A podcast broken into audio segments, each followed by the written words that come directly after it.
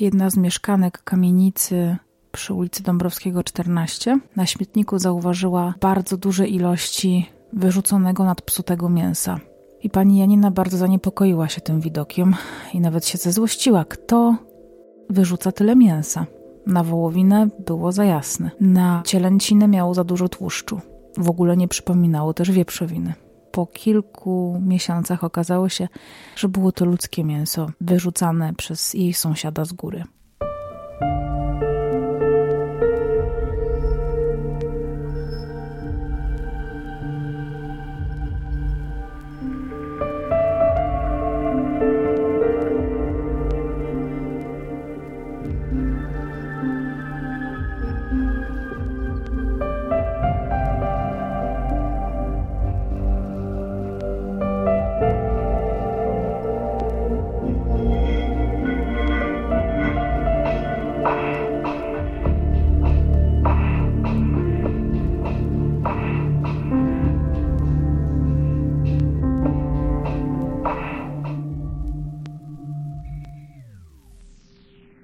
Chciałam Wam przedstawić historię, która bardzo możliwe, że wielu z Was jest znana, za co przepraszam, bo przedstawiłam dwie poprzednie sprawy. Jedna była bardzo znana, czyli sprawa Iwony Wieczorek, wcześniejsza Doroty Stynkiewicz była bardzo mało znana.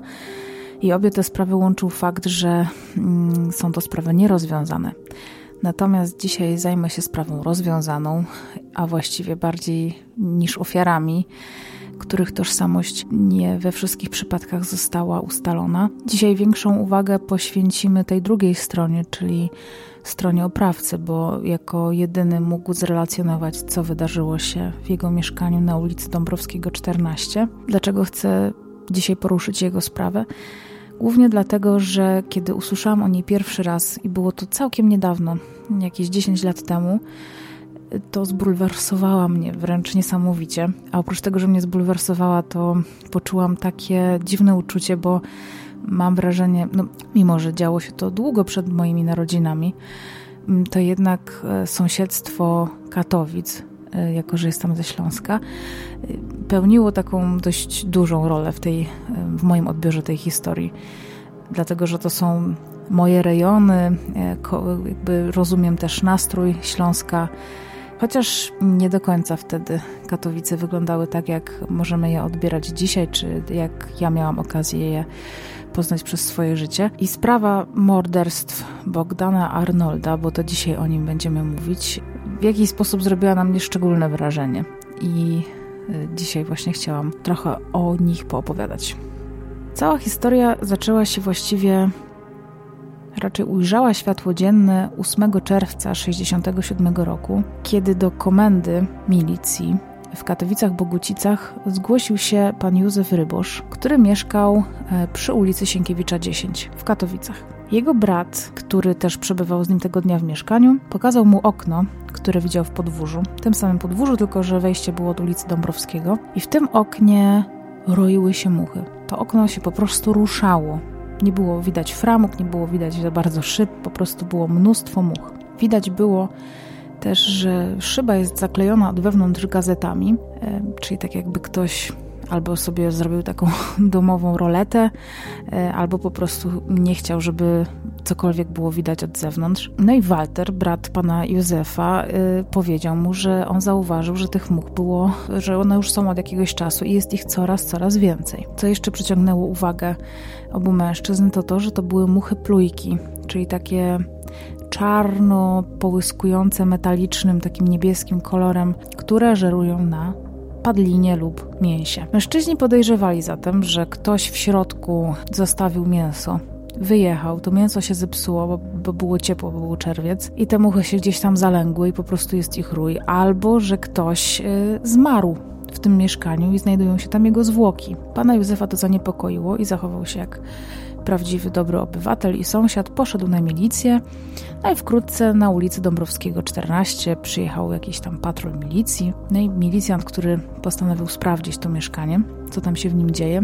Wchodząc po schodach już czuł, że dosłownie czuł, że coś będzie tam strasznego, ponieważ im wyżej wchodził, bo mieszkanie znajdowało się na ostatnim piętrze, na poddaszu, e, czuł taki obezwładniający smród rozkładającego się mięsa, no już na, tym, na tej klatce schodowej. Natomiast mieszkanie było zamknięte i nikt nie odpowiadał na pukania. No, jeżeli podejrzenia były takie, że tam zmarł lokator, no to nic dziwnego. Więc y, milicjant wezwał nie dość, że wezwał techników kryminalistycznych, no bo trzeba takie miejsce odkrycia zwłok zabezpieczyć i zrobić oględziny, to jeszcze e, poprosiło przyjazd straży pożarnej, dlatego że do tego mieszkania można się było dostać e, w tym momencie tylko od zewnątrz, czyli przez to okno. I kiedy strażak na jakimś wysięgniku czy po drabinie wszedł pod to okno, czy na to okno i wybił szybę, to gdy włożył głowę do środka, od razu ją wyciągnął i krzyknął, że bez maski on tam do środka nie wejdzie, więc dopiero musiał zejść, wziąć maskę. Przeszedł przez to mieszkanie bardzo szybko, otworzył je od środka, tak żeby można do niego było wejść normalnie z klatki schodowej. No i gdy milicjanci weszli do środka, to ich oczom ukazał się makabryczny widok.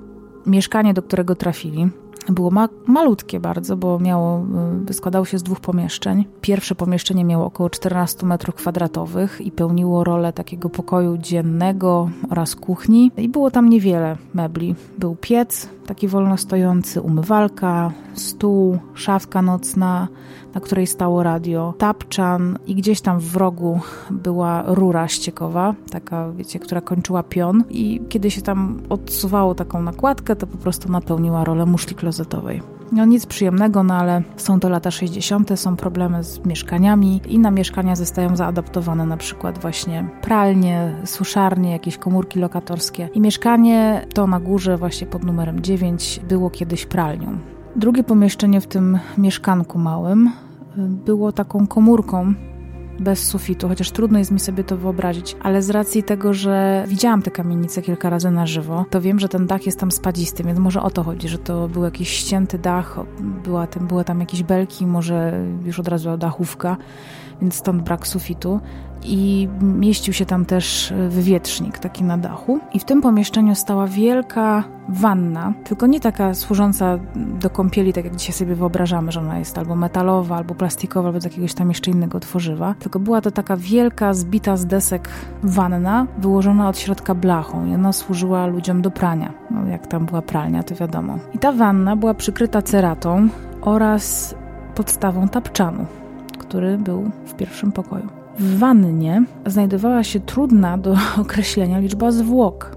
To po prostu było tam mnóstwo ludzkich szczątków. I tak na pierwszy rzut oka milicjanci stwierdzili, że ofiary leżące w tej wannie zginęły w różnym odstępie czasu. I o tym świadczył stopień rozkładu tych ciał. Ciała na górze były w mniej zaawansowanym stopniu rozkładu niż te, które znajdowały się na dnie. Natomiast wciąż nie wiedzieli, ile jest tych ofiar i w ogóle jakiej są płci, bo były już w takim stanie. Obok tej wanny stał wielki garnek z czaszką w środku, a obok garnka leżał pakunek z gazety. Taki, no coś, było, coś leżało i to było winięte gazetą i kiedy się ten pakunek odwinęło, to okazało się, że leży tam lewe udo. W pierwszym, w tym głównym pokoju pod oknem leżały zwłoki, nazwijmy je sobie roboczo, najświeższe, bo były no oczywiście już w zaawansowanym procesie gnilnym i tak dalej, no ale jednak udało się na pierwszy rzut oka określić, że ofiarą była kobieta.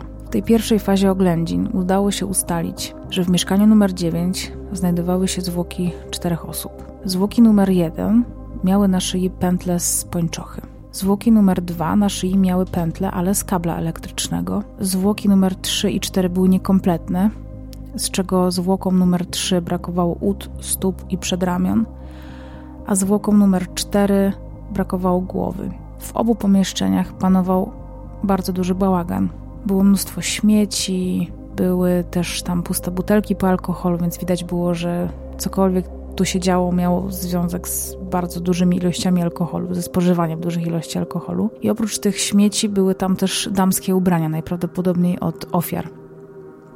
W dalszej fazie oględzin, już takiej, która miała miejsce pewnie w Instytucie Medycyny Sądowej, ustalono, że wszystkie ofiary były kobietami i były to kobiety w okolicach 30 e, roku życia, raczej, że były starsze niż 30 lat. Żadna z nich nie miała żadnych cech charakterystycznych, nie udało się w mieszkaniu znaleźć dokumentów, jakichś przedmiotów, które mogłyby te ofiary zidentyfikować, żadnych zapisków i niczego takiego. Natomiast jeszcze w trakcie, kiedy milicjanci byli w tym mieszkaniu, to nie podejrzewali, że to jest nawet taka skrytka czyjaś, że to jest, że ktoś sobie w takim pomieszczeniu zrobił no, taką skrytkę na zwłoki, jakby to głupio nie brzmiało. Natomiast w pewnym momencie jeden z tych ludzi y, odkrył, że y, w pokoju znajduje się mokry jeszcze pędzel do golenia. I co ich najbardziej zszokowało, to to, że ktoś po prostu mógł mieszkać w takim mieszkaniu, już abstrahując od tego, jakie tam musiały się dziać rzeczy i że wszędzie były zwłoki i ludzkie szczątki, to jeszcze o ile można w cudzysłowie w jakiś sposób zrozumieć, że ktoś może być tak zaburzony, że no, obecność zwłok wokół mu nie przeszkadza, to jednak wszyscy jesteśmy ludźmi i wszyscy czujemy ten straszny smród i w tym smrodzie się naprawdę nie da żyć. Kim był człowiek, który mógł mieszkać w takim towarzystwie? Był to Bogdan Arnold, elektryk. Do mieszkania pod numerem 9 wprowadził się jakiś czas temu. Sąsiedzi zwracali mu uwagę na przykry zapach, no bo milicjanci zaczęli się rozpytywać sąsiadów przede wszystkim, co tam się dzieje, kim jest ten człowiek i tak dalej.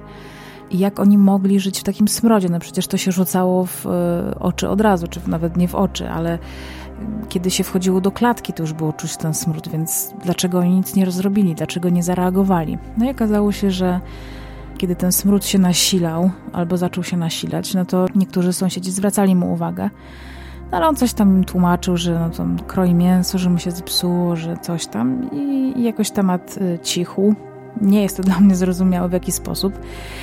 Inni sąsiedzi, szczególnie sąsiadka z dołu, skarżyła się na to, że przez wentylację, przez jakieś tam dziury w podłodze, którymi biegły rury do kolejnego mieszkania, po prostu przełaziło jej do mieszkania robactwo i wychodziło też rur, rurami. I ona się y, strasznie denerwowała tym, no bo inni sąsiedzi nie, nie skarżyli się na coś takiego, ona tu miała. I też parę razy podobno zagadała właśnie sąsiada z góry, co to jest takiego. On też tłumaczył jej, że ten zapach to spowodowany właśnie jest tym, że on ma taki otwarty sedes, ten smród to jest zapach fekaliów.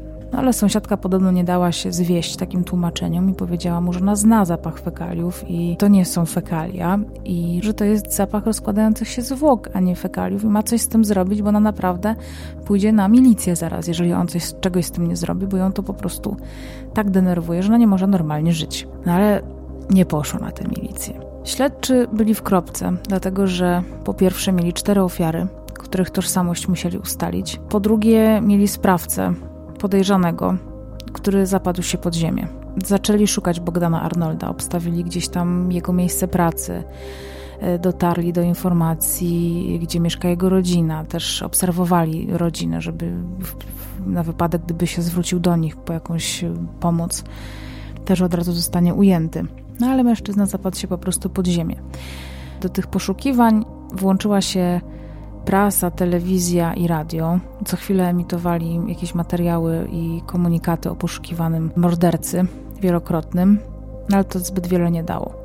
Wciąż Bogdana Arnolda nie udało się uchwycić. Natomiast śledczy wertowali jego życiorys, no i okazało się, że Bogdan Arnold, lat 34, urodził się w Kaliszu, przeprowadził się do Legnicy. W Legnicy mieszkał ze swoją rodziną i y, jego rodzina miała tutaj uwaga, fabrykę fortepianów.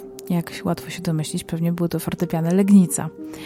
I Bogdan Arnold pracował tam przez jakiś czas, ale w pracy nie miał zbyt dobrej pasy, a raczej nie miał dobrej opinii i uchodził za takiego niezbyt rzetelnego i godnego zaufania pracownika.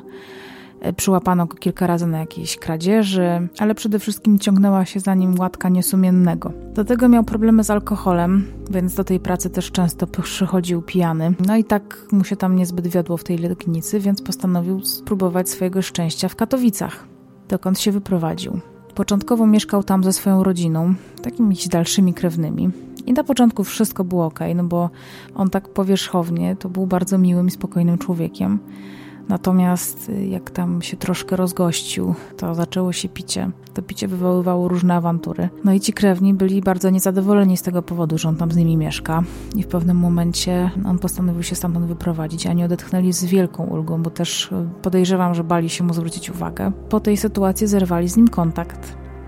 A Bogdan Arnold przeprowadził się do Katowic na ulicę Dąbrowskiego 14. Kolejne informacje, które udało się milicjantom ustalić i pozyskać, to to, że Arnold był trzykrotnie żonaty. Pierwszy raz ożenił się bardzo wcześnie, bo w wieku 18 lat i bardzo szybko został ojcem, a w wieku 23 lat był już po rozwodzie. Rozwód był z powództwa żony, bo nie mogła znieść jego nadużywania alkoholu i znęcania się nad nią psychicznie i fizycznie. A po rozwodzie nie było lepiej, bo Bogdan Arnold nie płacił alimentów, za co zresztą został dwukrotnie skazany przez sąd i dwukrotnie siedział w więzieniu. Po jakimś czasie, pewnie wtedy, kiedy już wyszedł z więzienia, związał się z inną kobietą, z którą miał kolejne dziecko, także syna.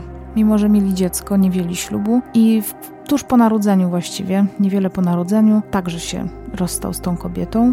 I co wiemy dzisiaj, to to, że partnerka bardzo skarżyła się nie tylko na nadużywanie alkoholu, i brak udziału w opiece nad dzieckiem, a także niespodzianka, niepłacenie alimentów, ale głównym powodem, który spowodował, że ten związek e, się nie udał, to była nadaktywność seksualna jej partnera, byłego, połączona z bardzo brutalnym seksem. E, I ona nie mogła tego znieść. Jakby praktyki, które on chciał stosować, czy próbował na niej wymusić, no, były dla niej nie do przyjęcia i były no, z pogranicza gwałtu, więc, więc odeszła. Jednak Bogdan Arnold nie próżnował i w roku 60 wziął drugi ślub. Z tym, że drugiej żonie nie wspomniał o tym, że między pierwszą żoną a drugą żoną była jeszcze taka kobieta, z którą on y, dorobił się dziecka. I kiedy już po wzięciu ślubu jego żona dowiedziała się, że mm, jest jakieś dziecko nieślubne i że jeszcze on tego dziecka nie widuje, nie łoży na nie, to zażądała rozwodu. Do tego rozwodu doszło i Bogdan Arnold kompletnie nie zrażony swoimi niepowodzeniami w małżeństwach i w związkach, Ożenił się po raz kolejny, trzeci, już niewiele później. Jego trzecią żoną była Władysława P., która, co dziwne, nigdy z nim nie zamieszkała i podejrzewam, że było to dlatego, że ona bardzo szybko zorientowała się, że jej mąż ma bardzo agresywną naturę. Ich życie wyglądało tak, że pomieszkiwali razem. On nigdy do niej nie chodził, natomiast ona go odwiedzała na Dąbrowskiego, gdzie czasami zostawała na noc, natomiast, co też sąsiedzi potwierdzają, ona, ona tam była rzadko widywana. Więc to był taki związek chyba na odległość. I chyba dobrze, bo głównie dlatego, że ona bała się spędzać z nim czas. Nie rozumiem, dlaczego wzięła z nim w takim razie ślub, ale no, oszczędzała sobie nieprzyjemności przebywania z nim na co dzień, bo pewnie wiedziała, że nie miałaby gdzie uciekać. No i miała rację, bo we wrześniu 64 roku, zupełnie niespodziewanie, pewnego dnia, związał ją kablem obnażył i zgwałcił butelką. Przez cały ten czas, który trwał kilka godzin, bo to były dla niego jakieś takie wielkie rytuały, prosiła go o litość i kiedy go zdenerwowała tym, że po prostu tak cały czas prosi, prosi, prosi i błaga, to uderzył ją młotkiem kilkakrotnie w głowę. I kiedy ona nie straciła przytomności, i widać było, że on nie jest w stanie jej w jakiś tam sposób uciszyć, czy prawdopodobnie zabić, bo być może już wtedy w głowie miał jakiś plan to okazał jej litość. Najpierw obmył jej rany, potem ją przeprosił, potem rozwiązał e, i zabronił jej absolutnie kiedykolwiek komukolwiek o tym wspominać. Natomiast Władysława P. przez jakiś czas zachowała milczenie, natomiast pewnego razu postanowiła podzielić się z kimś tą historią i był to dyrektor e, jakiejś poradni psychiatrycznej czy jakiegoś zakładu psychiatrycznego. No I ten lekarz był tak wzburzony tą historią, że nie wiem, jak to wtedy funkcjonowało. W każdym razie on wystawił jakieś wezwanie i wezwał właśnie Arnolda na wizytę w jego gabinecie. On się tam stawił i lekarz mu zagroził, że jeżeli jeszcze raz zrobi coś podobnego, albo jeśli raz on się dowie o tym, że on coś takiego zrobił, to trafi do psychiatryka już nigdy stamtąd nie wyjdzie. Oprócz tego, że jego trzecia żona złożyła takie zawiadomienie do tego psychiatry, to jeszcze pojawiła się w prokuraturze i też zgłosiła tę sprawę. Natomiast trwała ona bardzo krótko i została zakończona na jej wniosek, dlatego że po wizycie u psychiatry najwyraźniej Bogdan Arnold się w jakiś sposób okrzesał i obiecał swojej małżonce poprawę i rozpoczęcie leczenia, więc ona nie chciała mu tak już za bardzo psuć papierów. Natomiast y, ona nie wiedziała, że on ma jeszcze tam inne przewinienia. E, przede wszystkim takie, że y, kabel, którym ją związał, był to kradziony kabel i został przyłapany na tej kradzieży, więc za tę kradzież został skazany i tam dostał jakiś mały wyrok więzienia. y, ale też ponownie zamknięto go za niepłacenie alimentów, więc on trafił znowu na jakiś czas do więzienia. Także to małżeństwo zakończyło się rozwodem. Niestety nie udało mi się dotrzeć do informacji, kiedy do tego rozwodu doszło. Natomiast no, był to rok 64, a rok 66 był dla Bogdana Arnolda przełomowym rokiem, bo w tym roku, w maju, zmarła jego pierwsza żona, a on sam został zobligowany do opieki nad swoim synem, którego tak usilnie starał się przez 14 y, lat ignorować, nie płacąc alimentów, nie zajmując się nim w żaden sposób. Ja tego syna przygarnął, natomiast słowo opieka to jest w ogóle jakiś oksymoron w tym przypadku, bo Bogdan Arnold nie dość, że nie opiekował się w ogóle tym synem, nie karmił go, nie dbał o niego, to jeszcze w sytuacjach, w których brakowało mu na przykład na alkohol, sprzedawał rzeczy, na przykład odzież tego dziecka. Jako, że Arnold po wyjściu z więzienia i w momencie, kiedy wziął syna pod swój dach, był samotny, a że miał wielkie potrzeby seksualne, o których wiemy ze znań jego byłych partnerek, to zapewniał sobie towarzystwo prostytutek. I jak możecie się domyślić, wtedy dziecko było w domu, dlatego że chłopiec najprawdopodobniej sprzeciwiał się ojcu i nie chciał być świadkiem takiej sytuacji.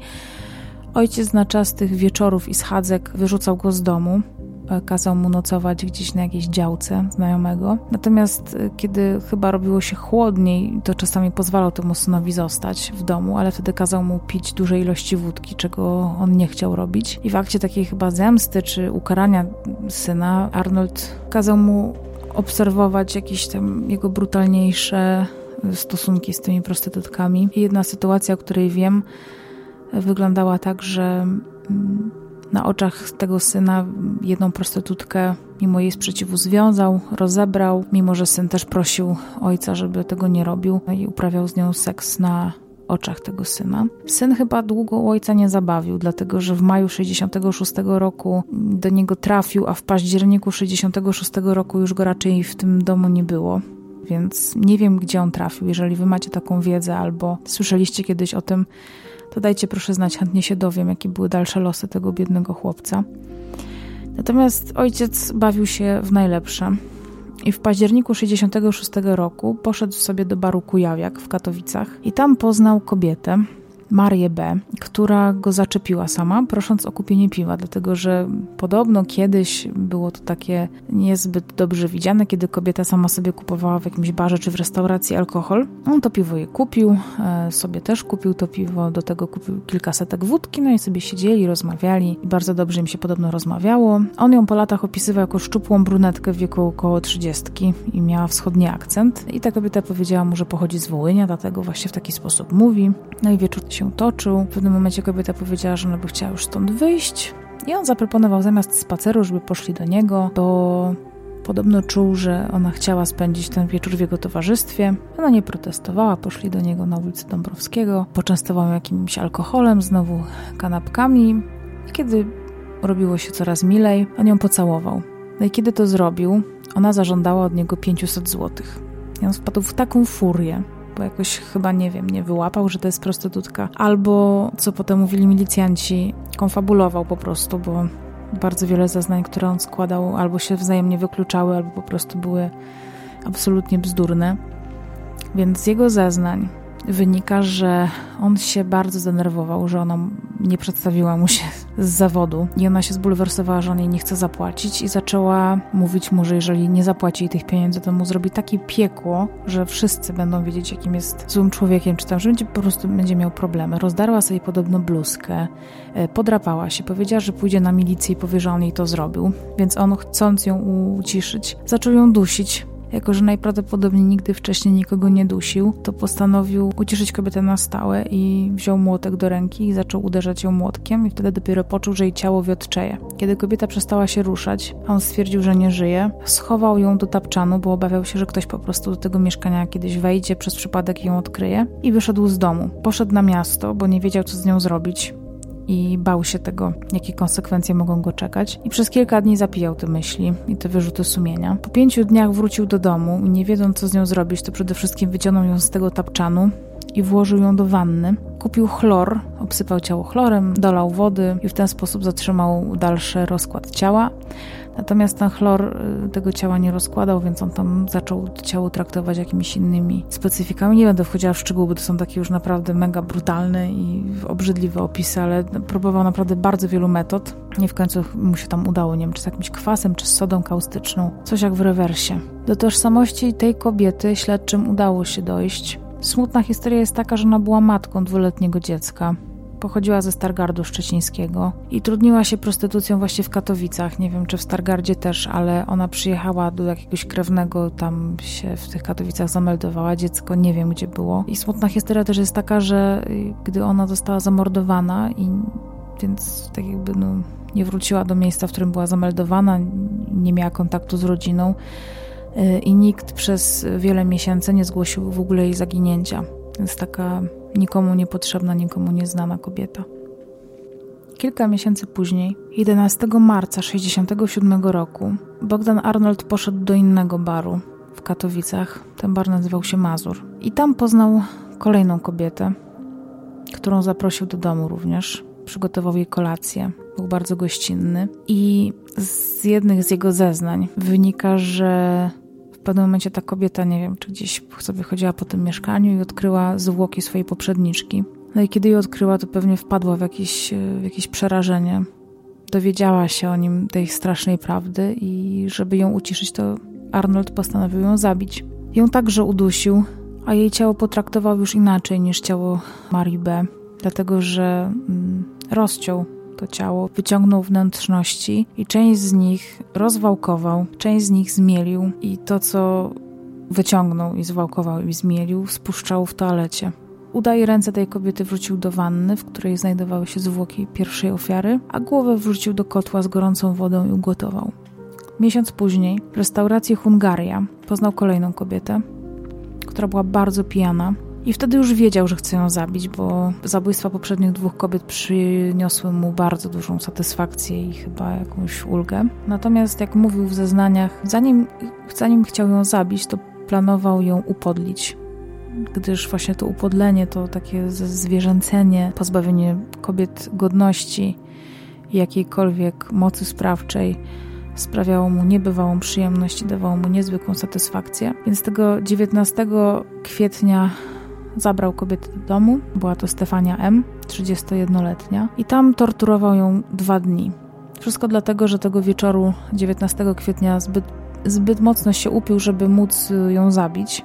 Więc poczekał do kolejnego dnia. Kiedy się obudził, to stwierdził, że jeszcze może ją wykorzystać i gwałcił ją prawdopodobnie przez cały dzień. I 21 kwietnia musiał iść do pracy, więc postanowił po prostu e, pozbyć się problemu i zabić kobietę. Tak jak poprzednie jego ofiary udusił ją, torebkę spalił, a zwłoki w całości wrzucił do wanny.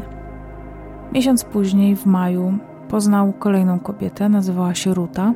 Tutaj akurat nie poznał jej w knajpie, tylko poznał ją gdzieś w okolicach dworca. Zapytał, co będzie robić, jakoś tam, nie wiem, zaproponował jej jakąś kolację czy coś. W każdym razie ona się znalazła w jego mieszkaniu i on tutaj podawał dwie różne sprzeczne i wykluczające się nawzajem wersje wydarzeń. Pierwsza to była taka, że oni flirtowali, ona z nim poszła do mieszkania, tam przez dwa dni uprawiali dziki seks i potem jemu się znudziło, więc ją zabił. Ale bardziej tutaj chyba jestem skłonna uwierzyć tej drugiej wersji, czy pierwszej, kiedy zaprosił ją do mieszkania i ona już poczuła, że zginie, no bo musiała już czuć za zapach, czy tam smród zwłok, które leżą, był to maj, więc pierwsze zwłoki leżą od października, drugie od, od marca, trzecie od kwietnia i kiedy chciała wyjść z mieszkania, to nią udusił jej własną pończochą.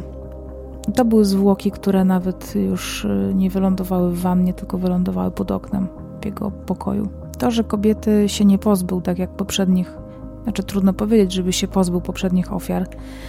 Natomiast nie zadał sobie trudu, żeby te zwłoki w jakikolwiek sposób, w cudzysłowie, zutylizować.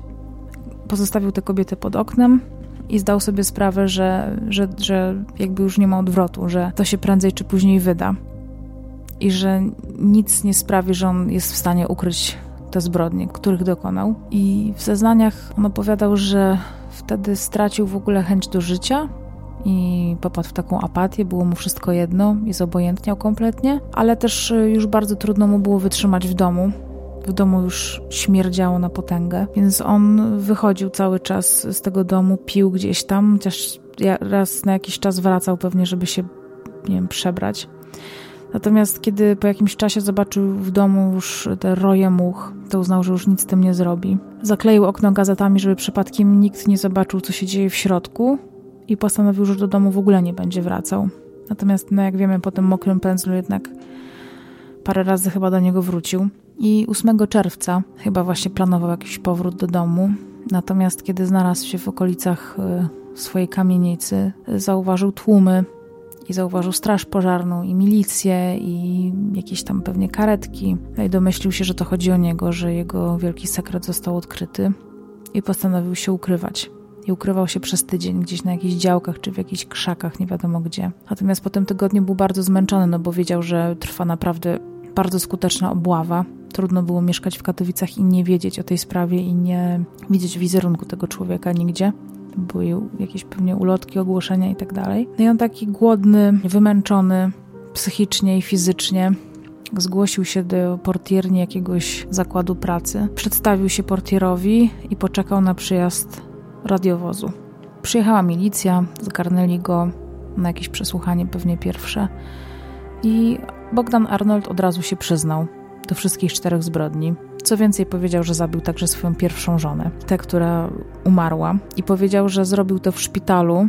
Kiedy ona leżała w szpitalu, to otrują ją luminolem i wszystko dlatego, że ona mu zatruwała życie i on także ją zatruł. Że tak metaf metaforycznie jakoś chciał zakończyć jej życie. Później się okazało, że to było wierutne kłamstwo, dlatego że Pierwsza żona Arnolda zmarła z powodu udaru słonecznego i zmarła we własnym domu, więc nie było żadnego szpitala, nie było innego powodu śmierci niż ten udar słoneczny.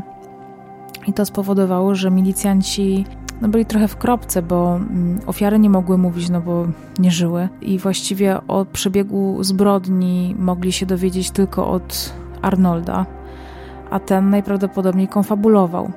W toku śledztwa wyszła na jaw pewna bardzo smutna historia. Mianowicie taka, że między październikiem, czyli między pierwszą zbrodnią, a marcem, czyli zbrodnią numer dwa, w lutym 67 roku, czyli w siarczystą zimę, po klatce na ulicy Dąbrowskiego 14 błąkała się związana drutem kompletnie naga kobieta, Została tam znaleziona przez mleczarkę i chyba sprzątaczkę. I ta biedna dziewczyna, taka zahukana, powiedziała im, że jakiś mężczyzna z tej kamienicy wynajął ją do sprzątania, po czym y, uwięził ją, bił i nie chciał jej wypuścić. I ona się wymknęła, dlatego że on się upił i zasnął i udało jej się uciec z tego mieszkania. Te kobiety jakoś udzieliły jej jakiejś pomocy, no podejrzewam, że po prostu ją ubrały zwyczajnie w świecie i kazały jej iść na milicję. No i ta kobieta powiedziała, że pójdzie. E, natomiast historia o sprzątarce była zmyślona, bo po prostu była prostytutką i najprawdopodobniej nie chciała się dzielić tą informacją z jakimiś obcymi kobietami na ulicy, które nawet okazały jej życzliwość, no ale Pewnie gdyby powiedziała, co robi, no to może by nie były takie skłonne do pomocy. Jana poszła na milicję, przyznała się do tego, czym się trudni. Oczywiście pewnie ją to kosztowało wiele, wiele stresu, no bo też e, mogła ponieść konsekwencje tego, czym się zajmuje. I powiedziała, że mężczyzna, ona nie wie jak on się nazywa, ale podała dokładny adres Dąbrowskiego 14 przez 9. Wziął ją do siebie do domu, uwięził ją, związał, wielokrotnie zgwałcił i groził, że ją zabije i ona jest przekonana, że on by ją zabił, gdyby nie zdążyła uciec.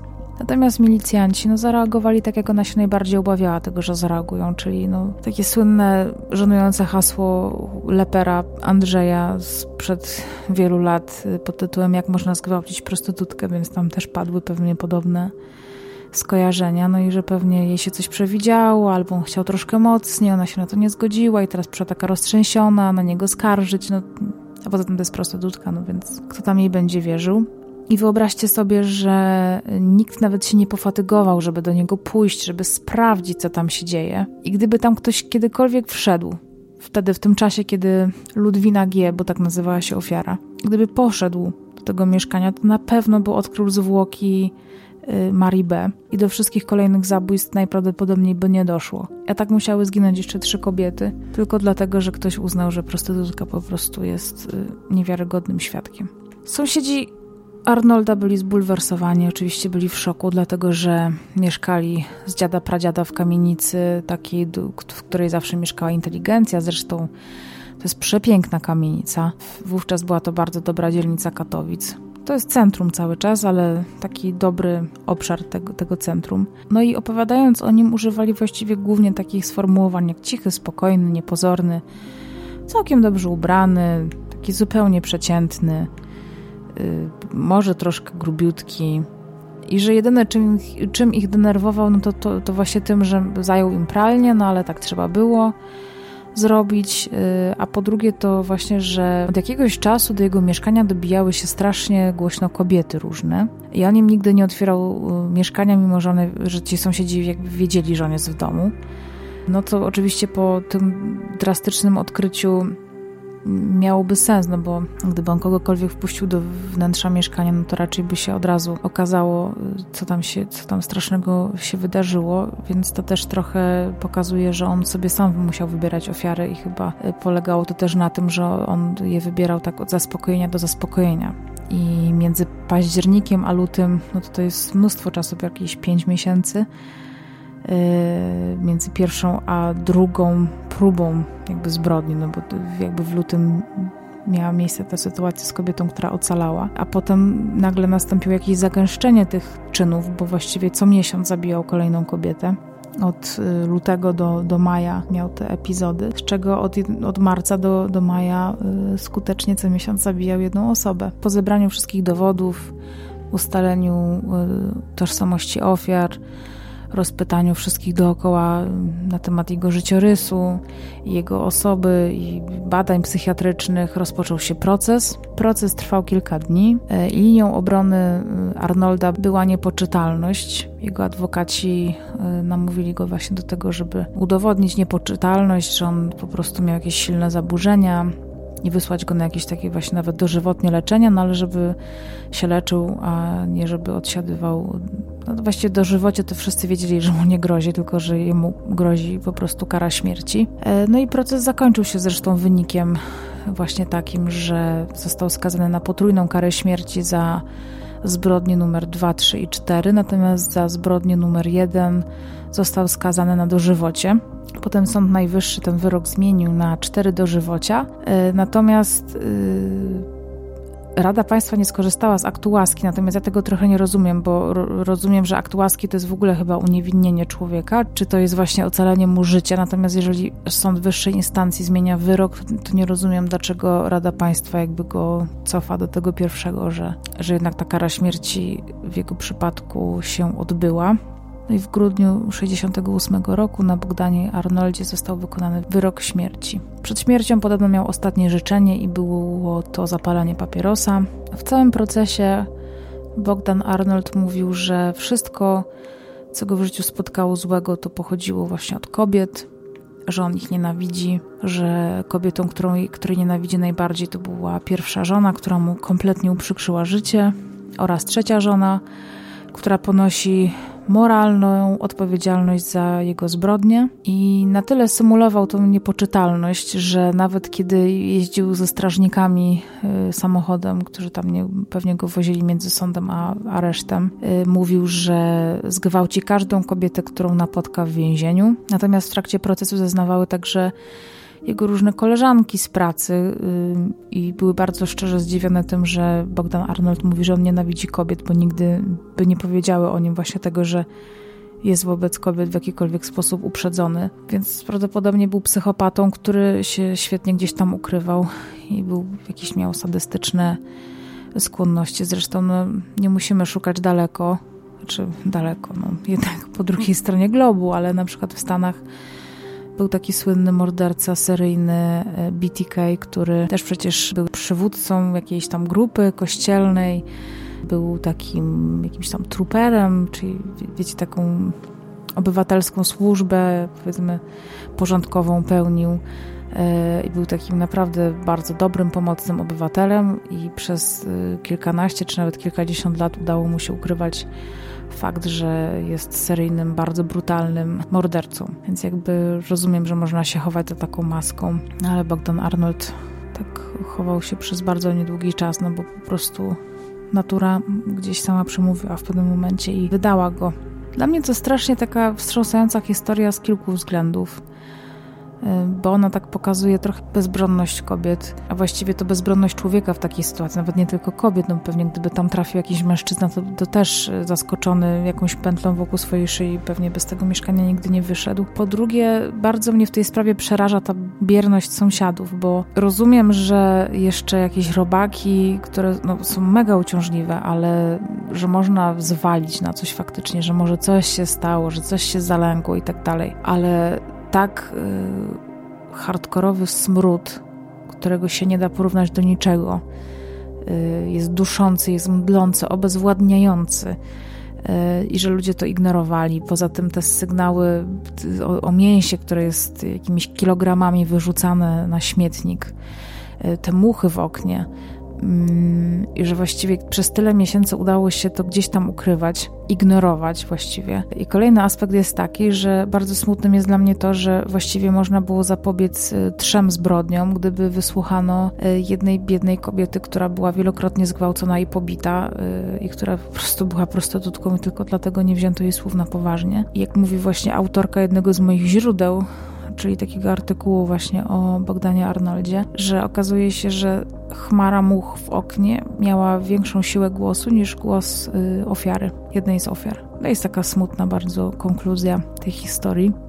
No i oczywiście taki najbardziej chyba przerażający w ogóle aspekt tego to jest to, że, że to taka zbrodnia z za ściany i właściwie właśnie taki cichy, niepozorny, zupełnie przeciętny pracownik fabryki, zupełnie przeciętny sąsiad, gość z baru, gość z tramwaju. Miał taką wielką moc, że zniszczył y, życie bardzo wielu osób, a odebrał je aż czterem. No i tyle. Taki to odcinek, trochę smutny, bardzo przerażający i upiorny. Nie wiem z jaką konkluzją. Uważajcie na siebie po prostu i nie chodźcie z mężczyznami do domów po jednym spotkaniu w barze. Może tyle. Tymczasem Was żegnam i do usłyszenia następnym razem. Dziękuję Wam za uwagę.